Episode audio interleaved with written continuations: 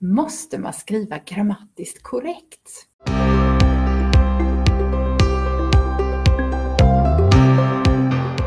Hej och välkomna till Konsten att sabba en story. En podd om skrivandets vånda och glädje.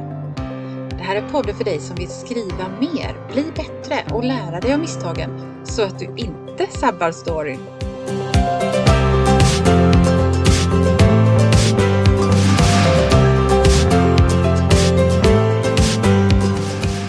Heter Anna-Karin Svanå. Jag är skrivarcoach, lektör och författare. Men nu sätter vi igång!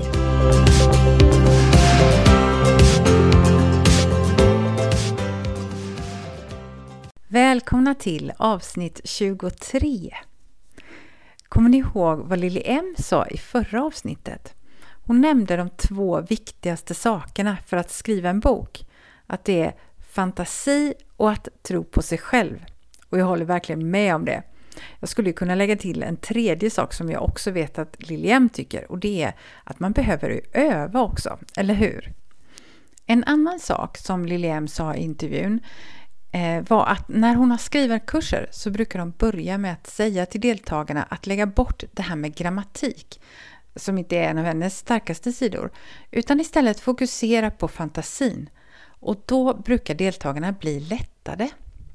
Den där känslan har jag också mött många gånger. Att grammatik verkar vara ett så stort och högt hinder för många som längtar efter att skriva. Och jag tänkte gå in lite djupare på detta idag. Hur viktigt är egentligen språket i en bok?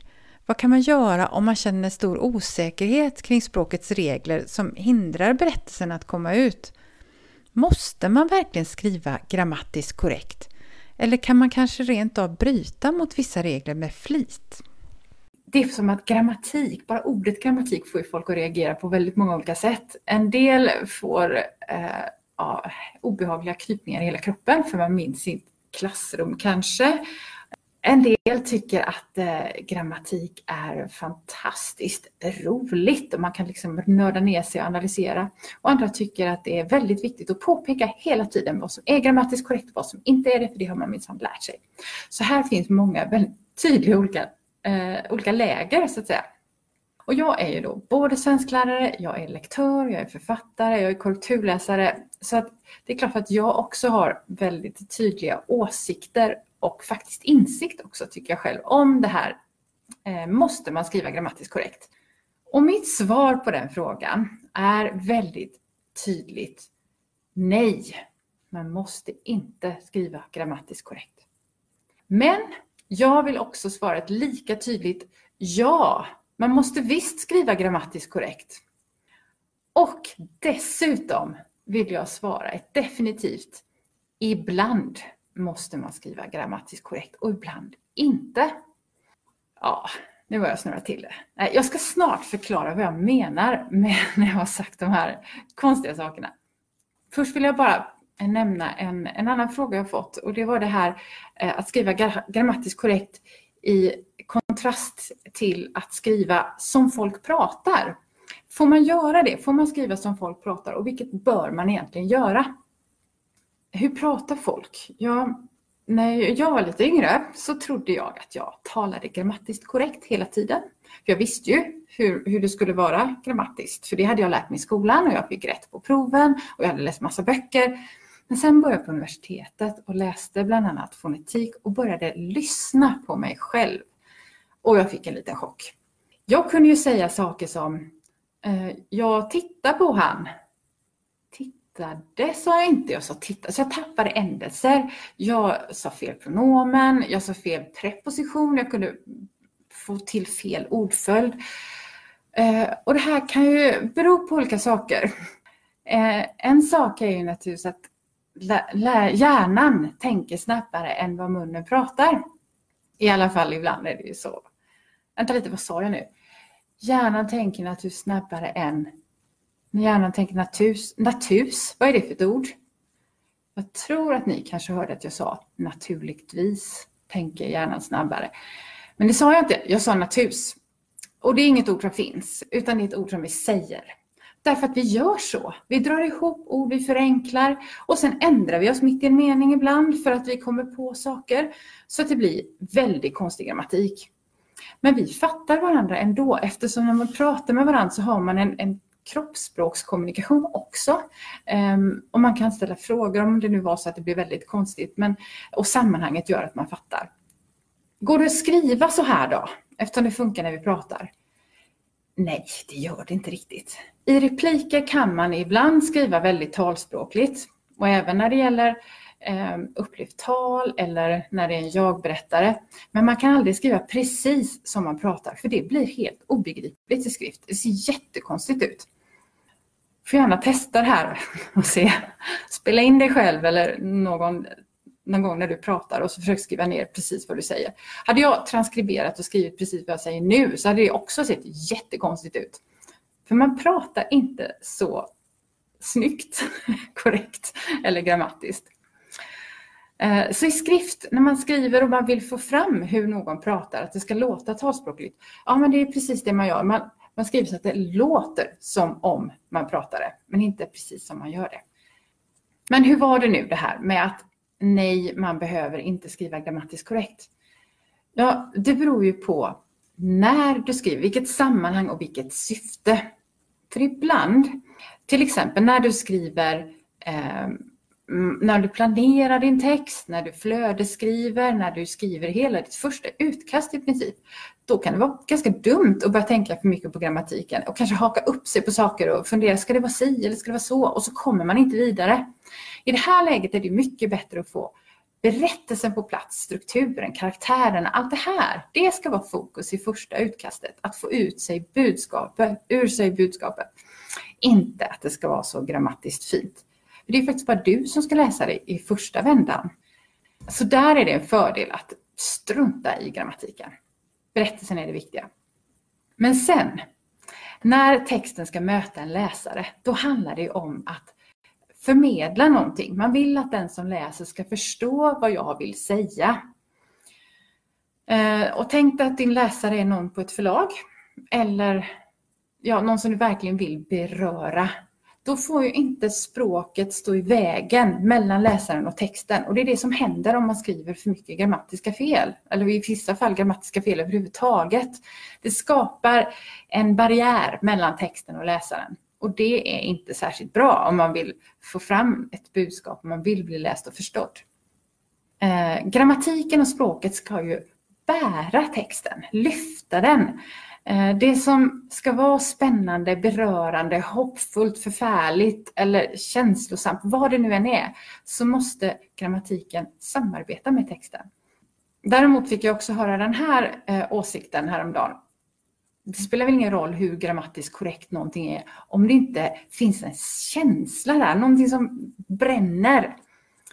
Ja, och så är det också. Grammatiken finns väl inte där av ett självändamål. Eh, det kan hända att någon säger emot mig där också, men jag tycker att grammatiken finns för att berätta, det ska, någonting ska kunna berättas. Så det viktiga är ju egentligen kanske berättelsen så sett. Och det fina är ju det här också. Det är bara du som kan berätta din berättelse, den berättelsen som du bär på. Men grammatiken, ja det finns jättemånga som kan grammatik, som kan kolla på texten efteråt och man kan fixa och dona och rätta till och redigera. Det går jättebra att få hjälp med det. Så man ska inte oroa sig för mycket för grammatik. Det ska inte vara den där äh, rädslan för att få röda markeringar i texten. Äh, låt inte det stå i vägen för dig. Sen är det viktigt med att ha rätt grammatik i slutändan när texten börjar bli klar. Det tycker jag absolut. Hur var det nu med det där ibland då? Mitt tredje svar. Ibland är det bra faktiskt att bryta mot de grammatiska reglerna. Det kan till och med vara riktigt smart att bryta mot en grammatisk regel. Innan jag pratar lite grann om hur man kan göra det så är det bara viktigt att komma ihåg varför vi har grammatik överhuvudtaget och vad som är syftet med att vi skriver. Det handlar ju om kommunikation, eller hur? Vi vill förmedla någonting och vi vill att någon ska förstå det som vi vill förmedla. Eh, om inte det där fungerar, om det inte blir någon kommunikation, om det inte blir någon förståelse, då har man på något vis misslyckats. Och då får man tänka om lite grann. Men annars är det ju faktiskt så här att om man bryter mot en regel så märks det lite extra i texten. Så man kan använda ett brott mot en grammatikregel för att betona någonting. Man kan också använda det för att gestalta och man kan använda det på alla möjliga sätt. Och det här är riktigt skojigt att experimentera med. Det viktiga är ju dock det här att man ska veta vad det är man sysslar med. Man kan inte bryta mot en regel som man inte riktigt har koll på, eller hur? För då gör man inte med något syfte. Man måste ha ett syfte med det man gör. Och vi ska, jag ska ge några exempel på hur några författare har gjort i det här fallet.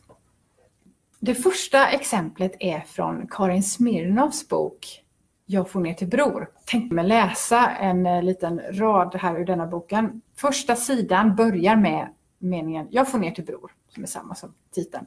Och lite längre ner på sidan så står det så här. För att underhålla mig själv sjöng jag Evert Taube. Våra föräldrar älskade Evert Taube och sedan dog de. Ganska drastiskt skrivet bara det. Men namnet Evert Taube skriver hon med små bokstäver och som ett enda ord. Och så gör hon genomgående med alla namn. Eskil Brännström, små bokstäver, ett ord. Och då kan man ju tycka att är det inte lite konstigt att skriva på det sättet? Men Karin Smirnoff hade en tanke med att göra så här. Huvudpersonen och jag-berättaren i den här boken heter Jana Kippo. Och Janas sätt att se på världen är det som gestaltas i boken genom hur hon skriver. Jana ser sin omgivning som, som objekt och människor är substantiv. Så därför skriver hon namnen som substantiv i vad som vilket som helst. Och som, som vi brukar stava sammansatta ord i svenskan. Så hon bryter mot namnregeln och gör den till ett vanligt substantiv. Eh, och det här gör att man får en väldigt speciell känsla när man läser den här boken. Det kan vara så att en del tycker det är lite trögt att komma in i den. Just för att hon har en del dialektala ord, hon har de här eh, namnsubstantiven och hon har inte några citattecken eller talstreck. Men när man väl kommit in i den, då blir det en fantastisk läsning och man är helt inne i Janas universum. Så det här liksom, originella sättet att bryta mot en grammatikregel, den eh, funkar om man lår, eh, ger den en chans. Och den här boken har blivit väldigt, väldigt uppmärksammad. Den är fantastiskt bra, så har du inte läst den så gör det. Ett annat exempel är Ulf Lundell. Jag har bara läst en enda bok av Ulf Lundell, så jag har jättemånga av dem hemma. Och den jag har läst heter En varg söker sin flock. Och där finns det ett långt avsnitt på massvis av sidor där det inte finns en enda punkt. Men går det att skriva utan punkt? Det kan man väl inte? Det har lärarna sagt att man måste ha. Punkt och stor bokstav när man byter och gör en ny mening. Men just i det här fallet ville Ulf Lundell beskriva hur en, en full människa tänker. Och då passade det faktiskt att ha ett flöde med bara hans eh, fylletankar. Och det var jättejobbigt att läsa, men det var en gestaltning samtidigt. Så det kan funka, men man ska veta vad man gör. Man ställer ibland väldigt höga krav på läsaren om man experimenterar för mycket, när man inte riktigt får till de där eh, regelbrotten. Eh, så man behöver ju testa om det funkar. För funkar det inte, då är det inget bra. Så enkelt är det. Nu ska jag ta ett exempel från Emma Adbåges gruppen som vann eh, ett Augustpris till och med. Så den har också blivit väldigt uppmärksammad och väldigt beundrad och omtalad. I den här boken är det ganska lite text, för det är ju en bilderbok. Och det är ett barn som är Eh, perspektivperson. Och det här är, hela boken är verkligen från barnets perspektiv. Man står på barnets sida. De vuxna är de konstiga, de fyrkantiga som inte fattar det här med lek och kreativitet. Och det visas också i texten. Till exempel på stavningen. Man skriver mig som M-E-J och inte mig. Men det är också det här att skriva som man pratar. Man kan inte skriva precis som man pratar för det blir helt jättekonstigt. Men man kan skriva Eh, så att det liknar sättet man pratar. Och hur pratar barn? Ja, men till exempel så kan man förkorta satserna. Här har vi en mening. Vibeke provade att gräva där en hel rast en gång, men leran bara fortsatte leran bara fortsatte, vadå? Det ska komma någonting efteråt där. Men det behövs inte här, för man förstår precis i sammanhanget vad som menas. Eller, vi behövde inte ens leka samma. Och det låter precis som ett barn säger, eller hur? Vi behövde inte leka samma. Och ordet lek, samma lek, behöver inte vara med. Så det där är ett sätt att förkorta en mening på ett ogrammatiskt sätt, men som passar jättebra in i sammanhanget. För det gestaltar barnens verklighet och eh, låter som att det är barn som, som tänker och pratar. Så här är också ett exempel på när det funkar att skriva ungefär som man pratar. Ja, det här var alltså några exempel på hur man kan bryta mot grammatikregler för att uppnå en viss effekt, till exempel för att gestalta någonting. Det verkar som att det här kommer helt naturligt för en del författare under skrivandet. Man är så inne i sin karaktärs huvud att språket formar sig efter karaktärerna och efter händelserna nästan av sig självt. I andra fall är den här sortens effekter någonting som man finputsar i redigeringen sen. I det första utkastet eller i flödesskrivning behöver man inte alls bry sig om grammatik om man inte vill, om man tycker att det liksom hindrar skrivandet.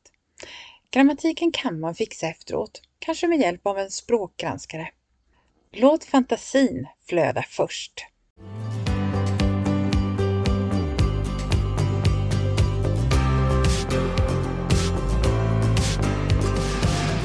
Det var allt för idag. Om du gillar podden skulle det vara toppen om du tipsar andra skrivintresserade också. Titta gärna in på min hemsida www.annakarinsvana.se. Där finns bland annat en gratis minikurs om att börja skriva. Där finns också mer information om mina tjänster och kurser. Men nu är det dags att börja skriva.